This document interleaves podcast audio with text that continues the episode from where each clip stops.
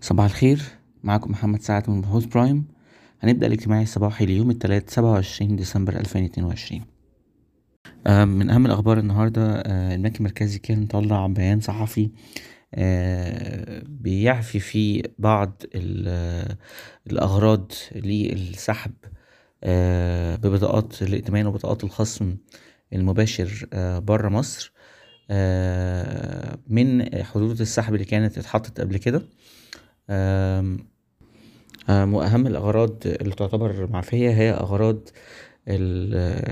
الدفع لل health care أو لأي خدمة صحية برا مصر أو لو في أي دفع لمصاريف educational أو تعليمية. برضو من أخبار الاقتصاد كان في تصريح للرئيس بيتكلم فيه عن أزمة ازدحام المواني والسلع اللي كانت محجوزة بسبب ال import restrictions اللي كانت موجودة. التصريح بيقول إن خلال اربعة أيام البنوك هيكون عندها الموارد الدولارية الكافية عشان خاطر تنهي أزمة ازدحام المواني بالكامل خلال شهر ديسمبر ألفين اتنين وعشرين. من أخبار الشركات باكين كانت تلقت عرض تاني من عروض الاستحواذ من شركة ايجلز كيميكلز العرض الاستحواذ على على الأقل ستة وسبعين في المية من أسهم الشركة وحتى مية في المية من أسهمها بسعر تسعة وعشرين جنيه ونص.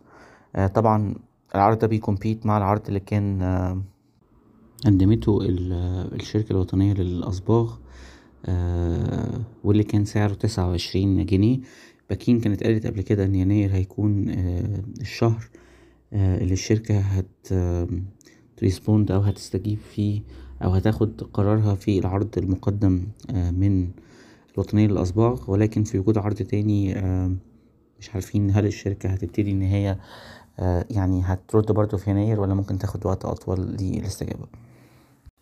ودي كانت أهم أخبارنا النهاردة. شكرا صباح الخير